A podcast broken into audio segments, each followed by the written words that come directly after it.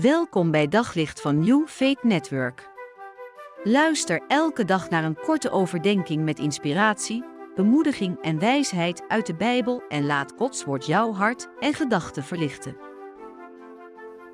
Ik, uh, ik ben uh, nogal fanatiek op sport.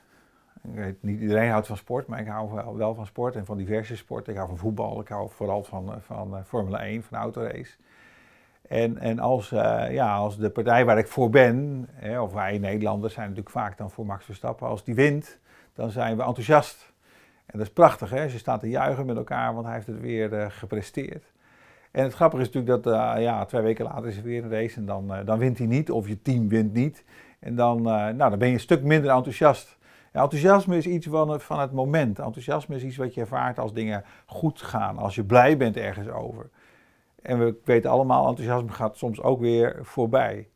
En het mooie is dat de Bijbel al dit soort dingen weet en dat de Bijbel gewoon een boek is over mensen. En daarom lees je ook in Romeinen hoofdstuk 12, vers 10, dat Paulus daar tegen de mensen zegt, laat je enthousiasme niet bekoelen. En Paulus heeft het hier niet over voetbal of over Formule 1 of wat voor sport dan ook. Paulus heeft het over het enthousiasme wat we hebben door ons geloof. En hij zegt daar achteraan, maar laat u aanvuren door de geest en dien de Heer. Wees verheugd door de hoop die je hebt. Wees standvastig wanneer u tegenspoed ondervindt en bid onophoudelijk. Nou, er zijn te veel punten om in, in één moment uit te leggen, maar hij geeft een paar hele goede tips, hele belangrijke tips om enthousiast te blijven.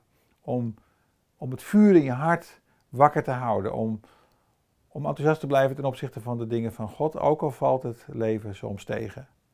Laat je aanvuren door de geest.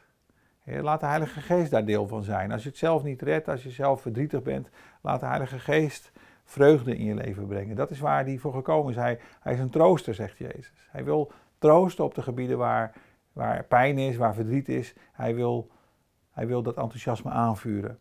Een ander punt is dat Paulus zegt, dien de Heer. We kunnen zo stoppen met die van, nou laat mij maar even, ik doe even niet meer mee, omdat ik teleurgesteld ben of dat mensen mij teleurgesteld hebben. Paulus moedigt ons aan om God te dienen, om verheugd te zijn op de, vanwege de hoop die we hebben en om standvastig te zijn als het tegen zit. Dus wees standvastig, ga door en laat je enthousiasme niet wegroven. Denk daar deze dag over na. Laat Gods geest vreugde en enthousiasme in je leven brengen, ook als het tegen zit.